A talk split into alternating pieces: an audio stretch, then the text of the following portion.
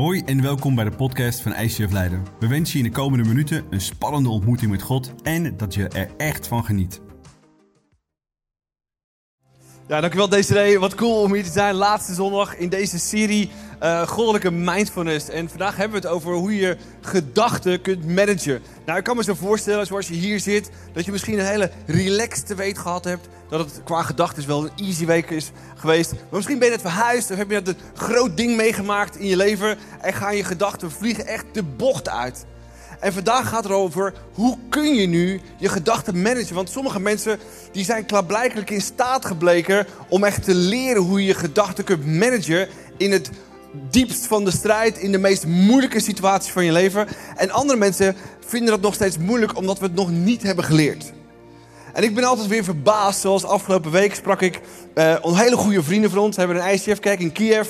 En dan zitten ze online en dan praten we met ze en dan komt het vuur uit hun ogen vandaan van geloof. En dat ze vrij zijn, dat ze vrede in hun hart hebben, terwijl de raketten over de stad heen vliegen. Kun je dat voorstellen? En misschien heb je wel eens ook in deze tijd met wat er gebeurt in de wereld, dat je misschien wat angstiger wordt, dat er gedachten door je hoofd heen gaan.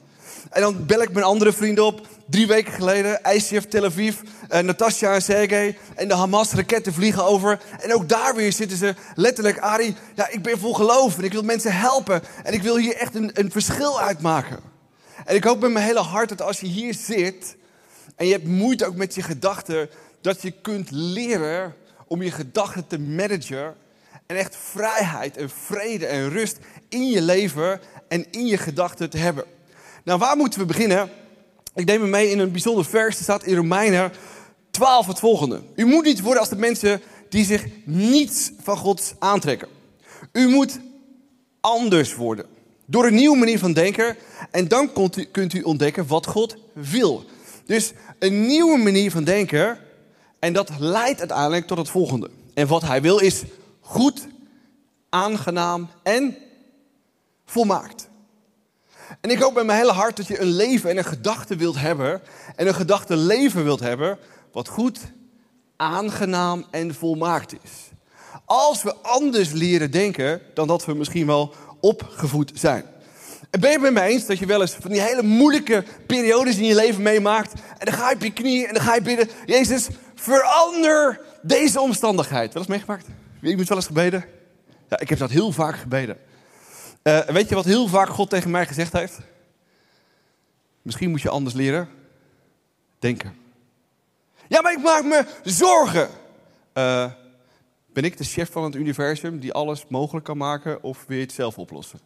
Ja, als ik het zelf op wil lossen, maak ik me zorgen. Maar als God bij me is, wordt het inderdaad een ander verhaal. En God wil dat we anders leren denken wie God is, hoe groot hij is, dat hij door je heen werkt, wat Gods geest in jou teweeg kunt brengen. En de eerste gedachte van vandaag is: waarom zou je je gedachten überhaupt willen managen? Nou, als eerste is omdat jouw gedachten bepalen je leven. Als je je hele dag zorgen maakt in je hoofd, wat voor soort leven heb je dan? Een zorgelijk leven, ja. Ehm, als je de hele dag maar uh, stress hebt over van alles, wat voor soort leven heb je dan? een stressvol leven. Als je de hele dag denkt, wat gaat er volgende week gebeuren en hoe kom ik door de week heen? Wat voor leven heb je dan? Ja, dat je alles zelf wilt oplossen en zelf wilt regelen. God zegt, oké, en wat is mijn rol in dit hele verhaal? Kan ik nog jouw verzorger zijn? Spreuken 4 zegt het volgende. Bescherm je hart boven alles, want uit je hart komt alles voort wat je doet. Dus alles wat er in je gedachten en dus in je hart afspeelt, dat is wat uiteindelijk jouw leven is. Dus je gedachten zijn erin verschrikkelijk belangrijk. De tweede gedachte is omdat mijn gedachten een strijdtoneel zijn voor zonde. Oké. Ehm, voordat je überhaupt. Oké, laten we zonde even uitleggen. Sommige mensen zijn ergens misschien wel opgevoed, net zoals ik. Uh, dat, dat, dat we denken dat, we, dat God vindt dat we fout zijn. Nou, dat vindt God niet. God zegt alleen: je hebt een zondige natuur. Vanuit je zondige natuur doe je foute dingen. En als je foute dingen doet, dan raakt het jezelf op een negatieve manier. En daarom zegt God, ik heb je een woord gegeven, ik heb je Gods Heilige Geest gegeven, om het op een andere manier te doen, zodat je leven in overvloed kunt ontvangen. Maar voordat je überhaupt een fout of een zonde begaat, waar maak je de keus? Hier, jouw gedachte is inderdaad een strijdtoneel waarin de boze jou trekt en wilt verleiden voortdurend, gaan we straks nog te kijken. En waarin God voortdurend jij de goede kant in wil trekken. Sommige mensen zeggen, ja maar God wil dat ik dat moet doen, dat moet doen, dat moet doen. Het enige wat God wilt is dat je een bijzonder aangenaam leven hebt. En dat die gedachte een strijdtoneel is, is een ding wat zeker is. Want daar beginnen de dingen. De zonde van hoogmoed begint in je gedachten. De zonde van uh, lust begint in je gedachten. De zonde van haat begint in je gedachten. De angst begint in je gedachten. Wrok begint in je gedachten. Jaloezie begint in je gedachten. Afgunst begint in je gedachten. Zorgen maken begint in je gedachten. Er gebeurt zo verschrikkelijk veel in onze gedachten. Het is een slagveld waarin God zegt: Ik kan daar rust en vrede en richting in brengen. Romeinen 7 zegt het volgende. In mijn diepste wezen, misschien voel je het een beetje als deze persoon, Paulus, wil ik heel graag doen wat Gods wet van mij vraagt. Maar ik zie dat mijn leven en doen en laten daarmee volledig in tegenspraak is. Wat mijn verstand, gedachten wil en mijn lichaam doet, is altijd in strijd met elkaar. De zonde leeft in mijn lichaam. Dus hier de gedachte en het verstand en de strijd die erin plaatsvindt. Iemand strijd in zijn gedachten? Ik wel. Iedereen heeft dat. En je gedachte is het grootste bezit wat God jou gegeven heeft. Dat is één probleem. Zodra we geboren zijn, is het nog menselijk. En zullen we het zelf moeten sturen naar een goddelijk gedachtenleven. En daartussen zit een wereld wat we moeten leren, snappen, begrijpen met vallen en opstaan. Zodat we sterker worden in onze gedachten en in ons gedachtenleven. Nou, waarom zouden we het nog meer moeten leren? Omdat het de sleutels zijn. Jouw gedachten te managen is de sleutel tot vrede en geluk. Vaak bidden we dat verander de omstandigheden, verander mijn gezin, verander mijn partner, verander mijn kinderen. En God zegt, nee, verander je gedachten. Dat is wat je nodig hebt. En dat is wat we allemaal nodig hebben. Om ervoor te zorgen dat als we spanning in ons leven hebben, kunnen ervaren dat we ook rust in ons leven kunnen ervaren. Oh. Dat als er druk in ons leven is, dat we ook kunnen ervaren dat er vrede in ons leven kan zijn. Als we leren onze gedachten te managen, dat we van stress kunnen komen naar echte kracht. Als er conflict en chaos in ons leven is, kunnen leren om vertrouwen te hebben in ons leven. Als we durven te leren. Romeinen 8 zegt het volgende. Het doen van uw eigen zin leidt tenslotte tot de dood. Maar de kracht van de Heilige Geest brengt ons leven en... Je hebt wel eens keuze gemaakt in je leven dat je dacht van... Hmm, fout keus. Waar maakt hij die keus? Hier, op basis van wat? Vaak op onze eigen kracht, op onze eigen achtergrond, op eigen feiten, op eigen waarheid. Waar God zegt, ik heb zoveel waarheid voor je. Dat als je daar durft op te baseren, op je leven in overvloed. Corrie, neem ons mee. Ja, dus als we onze gedachten willen leren managen, in plaats van dat onze gedachten ons beheersen, dan moeten we beginnen bij het volgende. Dan moeten we onze gedachten vullen met de waarheid. En Jezus heeft daar een waanzinnig bekende uitspraak over gedaan in Johannes. Hij zegt: Dan zult u de waarheid kennen en door de waarheid bevrijd worden. Nou, ik zei het net al, dit vers is misschien wel het vaakst geciteerde vers van Jezus. En ik denk dat iedereen hem wel kent. Maar waar heeft Jezus het nou over op het moment dat hij dit zegt? Als hij het heeft over de waarheid, dan heeft hij het over zijn Bijbel. Als Jezus spreekt over je zal de waarheid kennen en bevrijd worden, dan spreekt hij over zijn woord. En hij zegt daar nog meer over. Hij zegt, want in de boeken staat dat eten niet het belangrijkste is. Nee, een mens, uh, maar dat een mens leeft van ieder woord, ieder woord uit dit boek dat God spreekt.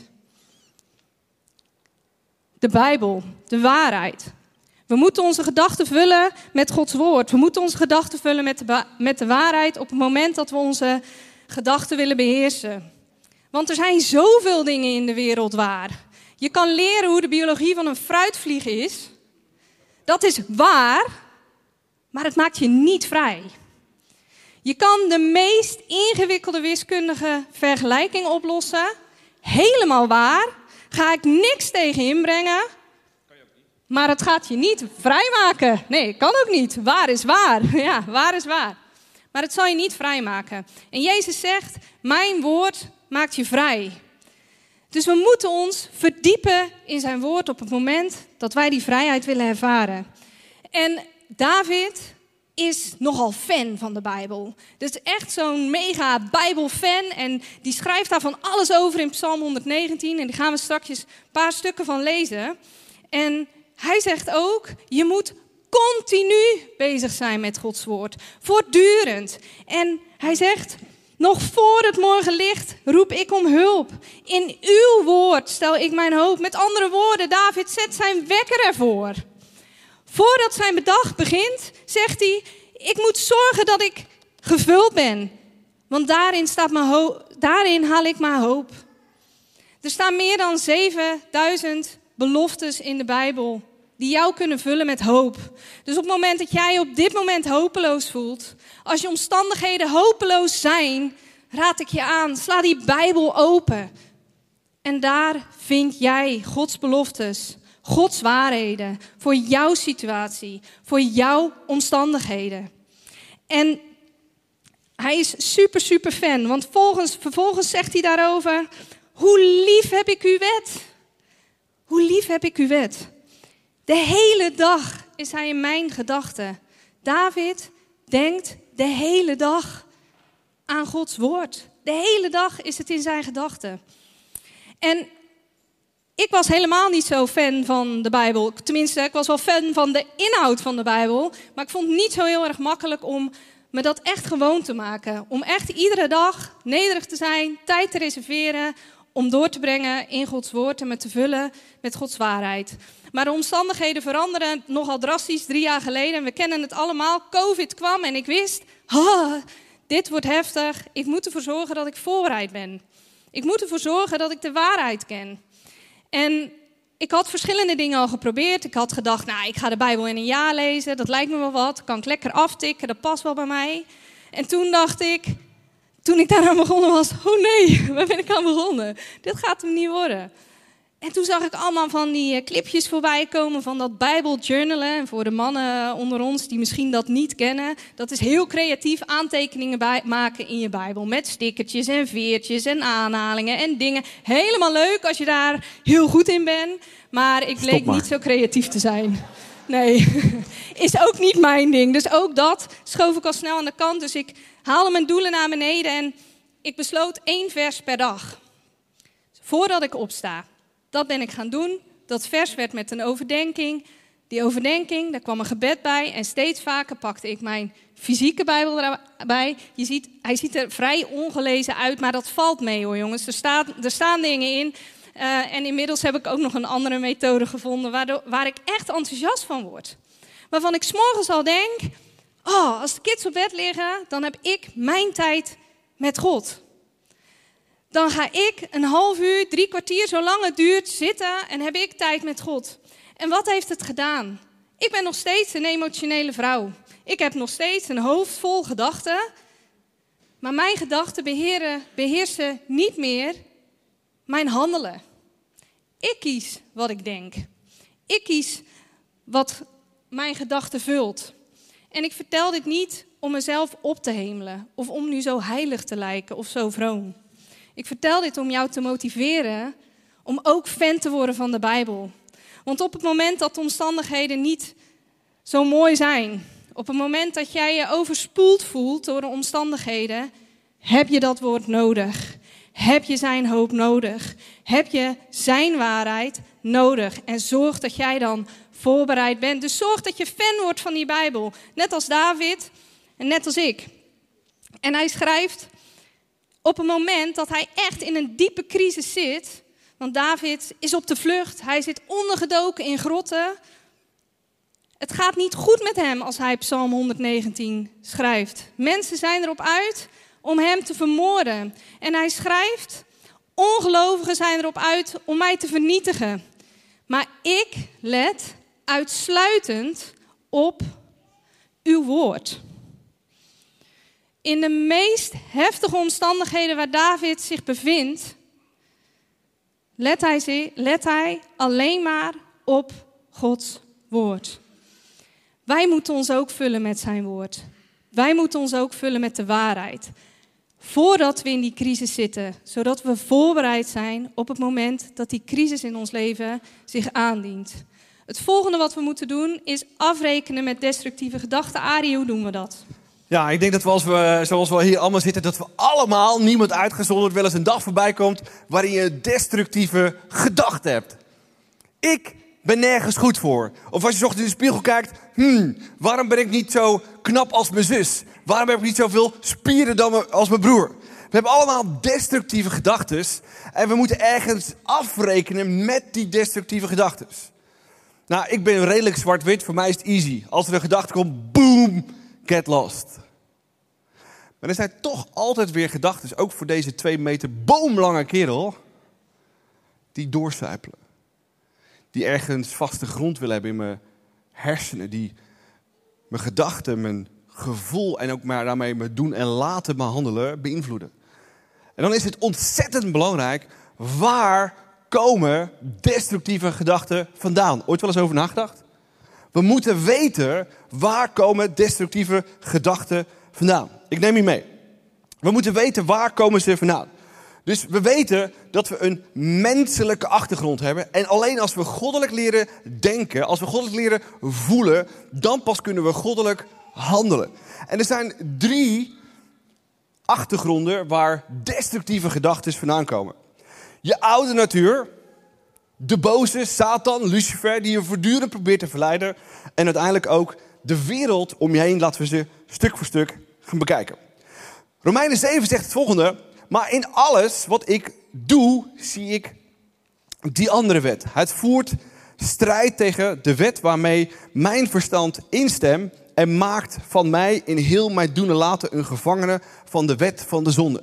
Nou, we merken hier dat we inderdaad datgene wat in ons zit, om ons is en de boze, dat we ergens verstrikt zijn in zonde, waar?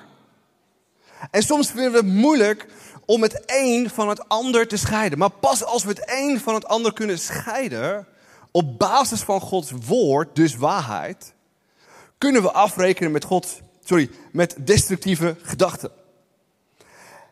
En dat is wat we moeten snappen en begrijpen. Niet alles wat je denkt. Kan je dit doen? Of dit misschien?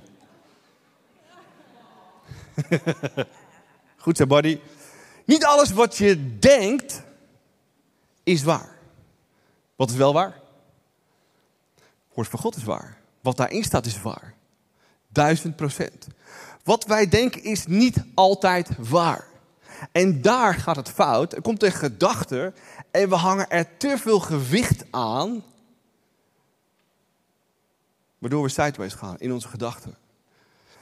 En laten we stuk voor stuk kijken waar die destructieve gedachten vandaan komen. Het eerste is dus. Uh, sorry. Het eerste is dus je oude natuur. Zodra je tot geloof komt, Jezus in je leven haalt, wat krijgen we dan? Onze geest wordt verzegeld met Gods Heilige Geest. Kan Gods Heilige Geest ons overtuigen van waarheid? Kan hij zonde in ons leven aanstippen, zodat we zien, oh wauw, daar komen dingen vandaan. Als ik dat uit mijn leven weghaal, dan heb ik leven in overvloed. Maar zodra we Gods geest hebben, hebben we nieuwe hardware. Maar gaat je manier van denken dan ook gelijk vernieuwd worden? You wish. You wish. We moeten leren, als we nieuwe hardware hebben, Gods Heilige Geest, een nieuwe manier van denken aan te meten. Wat gebaseerd is niet op ons oude leven, ons oude denken, onze oude wereld. Nee, gebaseerd op Gods woord, Gods waarheid. Want alleen als we Gods waarheid in ons hebben, hebben we leven in overvloed. Dat is de eerste wat we moeten snappen. Ons oude leven, oude manier van denken, wat ons voortdurend in de problemen brengt. Iemand wel eens meegemaakt? Ja, al twintig jaar christen denk je, hoe in hemelsnaam kan ik deze ongelofelijke leugen toelaten? Oké, de volgende is boze Satan Lucifer. Um, ik denk vaak dat ik, dat ik, uh, ik ben al meer dan 30 jaar volgeling van Jezus, dat ik geen last heb van de duivel. Dan ben je een beetje arrogant. De duivel loopt al een aantal duizenden jaren mee. Wie kent jou beter, de duivel of jezelf? De boze zelf. En als de duivel iets snapt, dan is het jouw gedachtenleven. En hij weet exact wat jouw zwakke punt is. Denk jij dat als hij jouw zwakke punt kent, dat hij denkt: Oh ja, uh, Daphne, uh, ja, uh, we kennen elkaar al heel lang, dus ik kan het zeggen tegen Daphne, toch? Ja. Daphne, ja, je, ik, ik, ik, ik weet wat je zwakke punt is, maar je ziet er zo schattig uit. Ik laat het met rust. Ik, ja, je, je, je, kijkt me zo schattig aan. Oh.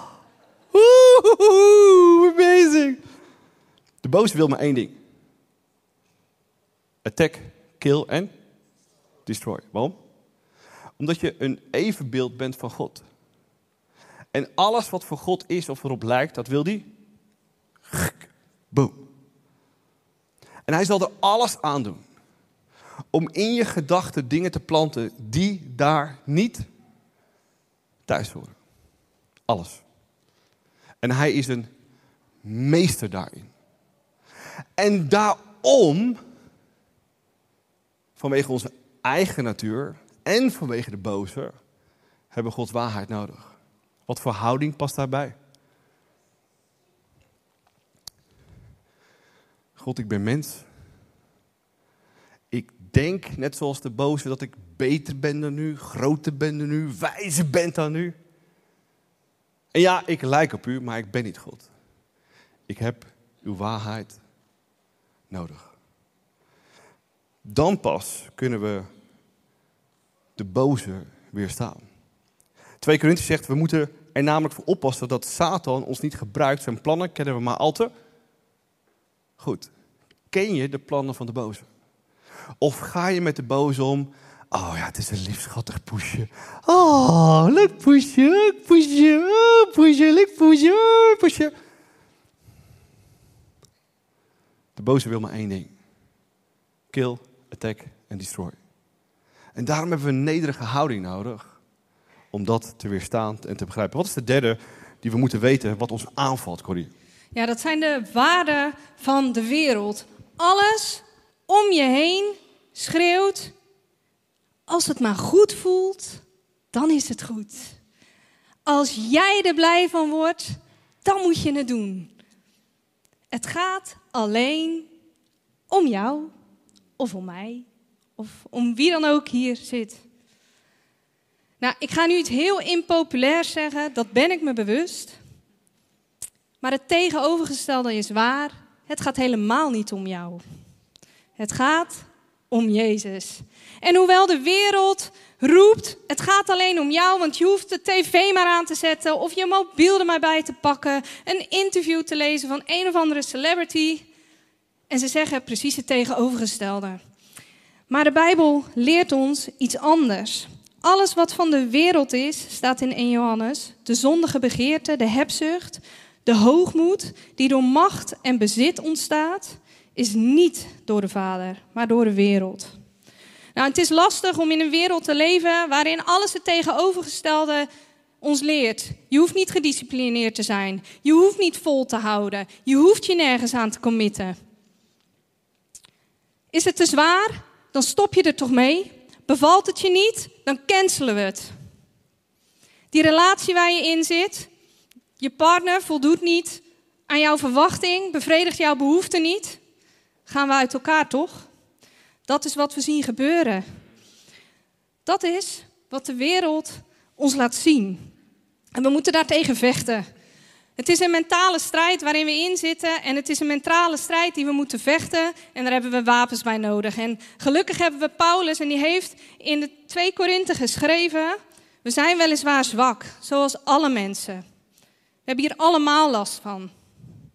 Maar we vechten niet met aardse middelen. De wapens waarmee wij ten strijde trekken, zijn niet de wapens van deze wereld. Ze zijn zo krachtig dat ze bolwerken kunnen slechten voor God. Dat ze bolwerken kunnen neerhalen, ander woord, voor God. Maar wat is nou zo'n bolwerk? Een bolwerk is een leugen in onze gedachten, waar we in zijn gaan geloven en naar zijn gaan handelen. Een voorbeeld daarvan kan zijn hedonisme. Ik leef voor mijn plezier. Het gaat om waar ik van hou. Ik ga lekker reizen, ik ga lekker feesten. Ik zorg ervoor dat ik alles heb wat mijn hartje begeert. Als ik maar gelukkig ben en wat de rest van de wereld om me heen beleeft, ja, I don't care, want het gaat om mij. Een ander wereldbeeld is bijvoorbeeld uh, materialisme.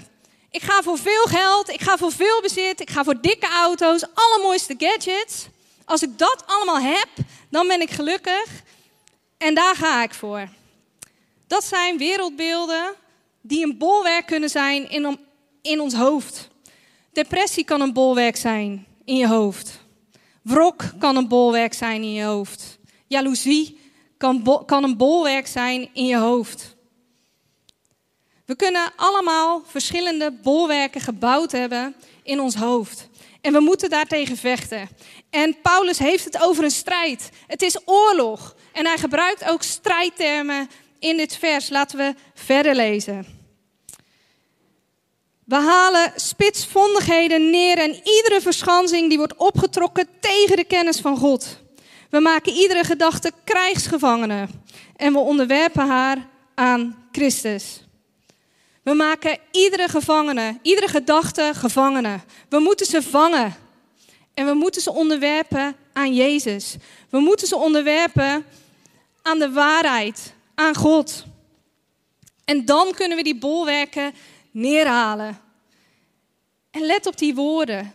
Het zijn echt oorlogsstemmen. Dus we moeten dit ook serieus nemen alsof we oorlog aan het voeren zijn. Maar niet met onze gedachten, maar met de gedachten die Jezus heeft tegen onze bolwerken. Dat is de enige manier waarop we kunnen winnen. Een voorbeeld kan zijn: die opdracht die ik voor me heb liggen, hij is te zwaar. Ik kan het niet aan. Mijn gedachten lopen over. Ik weet het niet meer. Ik stop ermee. Neem hem gevangen. Maak hem krijgsgevangene. Zet daar Gods waarheid tegenover. Ik kan alles door Jezus die mij daarvoor de kracht geeft. Dan win je van zo'n gedachte. Het is zeel. En die laarsjes, ik moet ze hebben. Nou, dit zou er een van mij kunnen zijn. ik moet die gedachte vangen. Meerdere malen per week, kan ik je vertellen. Zeker in deze periode. Ik moet hem onderwerpen aan de waarheid. Ik moet Jezus waarheid daaroverheen zetten. Wie, steeds, wie alles heeft, wil steeds meer. En het zal nooit genoeg zijn. En het is zinloos. Ik ben niks waard. Niemand heeft iets aan mij. Het is misschien maar beter als ik er niet meer ben. Neem die gedachte gevangen. Maak hem krijgsgevangene. Neem dit serieus. Zet daar Gods waarheid tegenover. Want je bent een nieuwe schepping. Het oude is voorbij en het nieuwe is begonnen.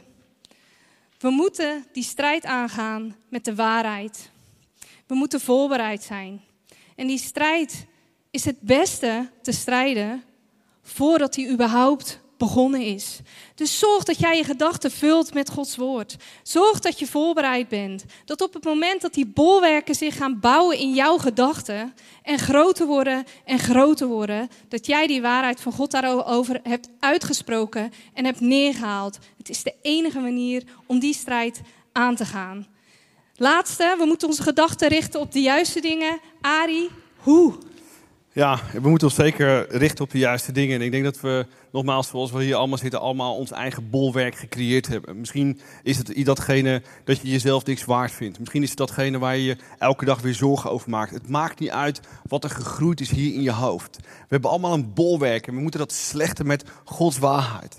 En we proberen het altijd natuurlijk weer op onze eigen manier omdat bolwerk, moet meer geloven, ik moet het beter doen, ik moet, ik moet meer luisteren, ik moet allemaal zelf op te lossen. En God vraagt zichzelf nog steeds af, oké, waar is mijn ruimte in jouw hoofd? Waar zijn mijn waarheden in jouw hoofd? En we willen wel een beetje handjeklap nog doen ergens. Beetje van, beetje van mezelf, beetje van God, beetje van mezelf. Uh, wie, wie, wie vindt het fijn om in een splagaat te leven elke dag? Wat komt er van een splagaat? Ja, je weet niet of je links of je rechts, je weet niet of je links moet. Je, je voelt je in je hoofd voortdurend heen en weer, heen en weer, heen en weer. Geeft dat stress, rust en vrede? Forget it. En wat God wil doen in ons leven is ons te verleiden om alleen maar te kiezen voor Hem. En Hem alleen. En ik heb het zo vaak zelf geprobeerd. Mijn waarheid. De waarheid van de wereld. En maar zelf, en maar zelf, en maar zelf. Het is zo vermoeiend. En God zegt: Mijn hart gaat uit naar jou elke dag. En de waarheid is: God houdt van mensen. God houdt van jou. Hoe weten we dat? Hoeven alleen maar naar het kruis te kijken. Jezus stierf voor jou onvoorwaardelijk. Je hoeft niet eerst te veranderen voordat je bij Hem komt. Kom bij Hem zoals je nu bent. Met jouw druk, met jouw spanning, met jouw stress, met je eigen waarheden. En bij het kruis vindt altijd uitwisseling plaats. En wat God voor uitwisseling wilt laten plaatsvinden, is dat je naar het kruis toe gaat. Dat je tegen God zegt: Weet je wat, ik wil het niet op mijn manier meer doen, maar ik wil het op uw manier doen. En dat is precies de nederigheid waar we het over hebben. En als we dan de Bijbel lezen en we zien hoe Jezus dat doet, dan gaat hij elke dag op zijn knieën. En elke dag gaat hij in gebed. En elke dag vraagt hij aan God: Wat moet ik doen? Moet ik links of moet ik rechts? En dan spreekt God tegen Jezus. En wat doet Jezus dan? Hij doet exact wat zijn vader vraagt. Weet je wat het hem oplevert? Rust, vrede, duidelijkheid, richting en vertrouwen dat zijn vader echt het beste met hem voor had. Ook toen daar het moeilijkste moment van zijn leven was. In de hof van Gethsemane. God, kunnen we dat kruis niet overslaan? Is er echt geen andere manier? Maar als dit het beste voor mij is in de wereld, so be it. Is dat echt vertrouwen? Is dat echte rust? Is dat echte vrijheid? Ik denk het wel. En we moeten snappen dat echte waarheid vinden we in het woord van God. Ik wil nog twee versen meegeven. 1 Corinthians 2 vers 9 staat, dat staat ook in de boeken. Dit boek, eerste vijf boeken. Wat niemand heeft gezien, niemand heeft gehoord, wat niemand ooit bedacht heeft, dat heeft God allemaal klaar liggen. Voor wie? Die Hem liefhebben. En dat is precies wat God in je leven wil doen. En al die waarheden staan in Gods woord. En Jezus nam dat zo serieus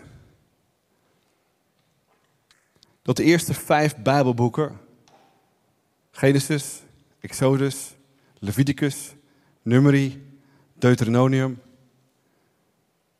Had hij daar een paar versen voor op zijn kamer hangen? Boven zijn bed, in zijn smartphone? Nee. Hij was daar zo serieus in dat hij die eerste vijf Bijbelboeken uit zijn hoofd kende. Jezus was een rabbi. En rabbies leren de Bijbelboeken uit hun hoofd. En dan denk je, zie je wel, daar is weer die God die je wilt irriteren met zoveel theologie met zoveel suffe. Maar Jezus wist, als ik een leven wil leiden zonder zonde, zonder stress, zonder zorgen, moet ik weten wie mijn vader is. Moet ik weten wat waarheid is. En hij wist, waarheid vind ik in het woord van God. En misschien heb je wel eens gehoord over de wapenuitrusting van God. En als je dat leest waar Paulus over schrijft, is alles wat je daarin leest defensief. En er is maar één wapenuitrusting wat offensief is, waar je mee kunt vechten. Dat is het zwaard. En het zwaard staat symbool voor het woord van God. En Paulus zegt ook, jonge mensen in geloof, dus niet jong qua leeftijd, jonge mensen qua geloof moeten leren wat? Te strijden met het woord van God. Want alleen als je leert strijden met Gods waarheden, dan pas win je echt. Misschien zit je vandaag hier en maak je je zorgen over morgen. Welke waarheid hebben we nodig? Dat God zegt, als ik zorg voor de mussen in het veld, denk je niet dat ik voor jou zorg? Als je denkt dat je niets waard bent, wat moet er dan weten? Dat God die gaven en talenten heeft gemaakt. Om een verschil uit te maken, hoe je er ook uitziet. We hebben Gods waarheid nodig in ons leven. En misschien heb je tot vandaag moeite gehad om die Gods woord te openen. Heb je misschien vooroordelen? Vind je het misschien een sufboek? Of vindt de wereld het een sufboek? Of heb je moeite om überhaupt te erkennen dat God groter is dan wat dan ook? Maar wil je het op je eigen manier doen? Maar waarom niet vandaag kiezen op Gods manier te doen? Zijn waarheid te kennen. Zijn waarheid toe te passen. In je gedachten. Waarmee je anders leert voelen. Waarmee je anders leert doen. Zullen we daarvoor bidden? Zullen we dat staan doen en een statement maken? Heer, dank wel voor u bent. Dank wel voor uw liefde, voor uw trouw. Heer, dank wel voor uw liefde, voor het woord van God, van uw Vader. Dat u zo ver ging om die eerste vijf Bijbelboeken uit uw hoofd te leren. Maar dat niet alleen om die waarheden te planten in uw gedachten. Waardoor u anders ging denken, anders ging voelen en groots kon handelen. En hoe anders is het vaak met ons? Dat we onze eigen waarheden hebben. De wereldse waarheden. Of misschien wel laten, laten verleiden door een duivelse waarheid. Dat we niets waard zijn. Dat u niet bestaat. We willen vandaag één ding kiezen. Uw waarheid. Dat u van ons houdt. Dat u een doel, plan en een bedoeling met ons leven heeft. En we vinden het allemaal in uw woord. Op elk terrein van uw leven. En Heilige Geest, we vragen u vandaag maar één ding. Geef ons nieuwe passie voor uw woord. Open onze ogen dat als we het boek openslaan, dat elk woord, elke zin, elk hoofdstuk boekdelen spreekt. Dat we die waarheden zien, in onze gedachten kunnen planten, daarmee anders gaan voelen en ook groots gaan handelen. Want heeft ons gemaakt met een doel en een reden. Om impact te maken met ons eenmalige leven. Ons geen zorgen te maken. Niet in een hoekje te gaan zitten, maar sterk te zijn in onze gedachten. Sterk in onze gevoelens voor onszelf en anderen. En een sterke impact te maken op deze wereld. Heer, dank u wel voor uw voorbeeld. Daarin. Dank u wel dat u bij ons bent. Heilige Geest, dank u wel dat u in ons leeft. We willen meer ruimte geven voor u. Want u kunt ons van binnenuit veranderen. Met onze gedachten. Anders denken, anders voelen. Is anders doen. Dank u wel. In Jezus' naam. Amen. Wij hopen dat deze podcast je heeft geïnspireerd en verder geholpen heeft in je relatie met God. Wanneer deze podcast je geraakt heeft en je de inhoud ervan wilt helpen verspreiden, deel dan deze aflevering op jouw favoriete social media platform. Op deze manier horen meer mensen over Jezus en deze boodschap van hoop. Je kunt ons ook financieel ondersteunen, waardoor we een maximaal bereik krijgen op het internet en nog meer mensen nieuwe hoop krijgen. Bedankt voor alles wat jij mogelijk maakt. We geloven dat kerk een familie is, dus of je nu live erbij bent of online meeluistert, we willen jou graag persoonlijk leren kennen. Als we jou persoonlijk verder kunnen helpen, dan horen we dat graag. Check voor info en meer mogelijkheden op onze website. Fijne dag.